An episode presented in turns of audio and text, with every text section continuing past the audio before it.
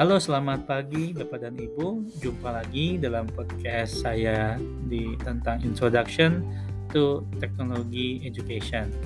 Nah, dalam episode kali ini saya akan membahas tentang pentingnya seorang pendidik membuat uh, pembelajaran berbasis multimedia di mana seorang pendidik harus bisa membuat konten yang mampu mengakomodasi kebutuhan gaya belajar siswa baik itu yang kebutuhannya visual, audio, ataupun kinestetik. Nah, podcast adalah salah satu media yang dapat Bapak Ibu gunakan untuk menyampaikan pesan kepada siswa, pesan-pesan inti, poin-poin penting dalam sebuah mata pelajaran menggunakan audio.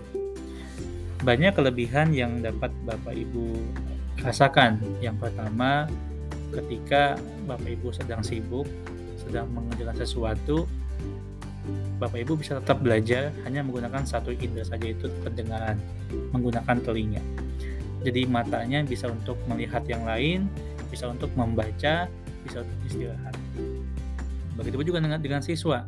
Bila Bapak Ibu memberikan materinya itu bervariasi, tidak hanya video, maka dengan audio podcast ini anak-anak tetap bisa belajar sambil dia bermain, sambil matanya melihat keluar, sambil melihat ke halaman rumahnya tanpa harus menatap layar gadgetnya dari pagi sampai sore.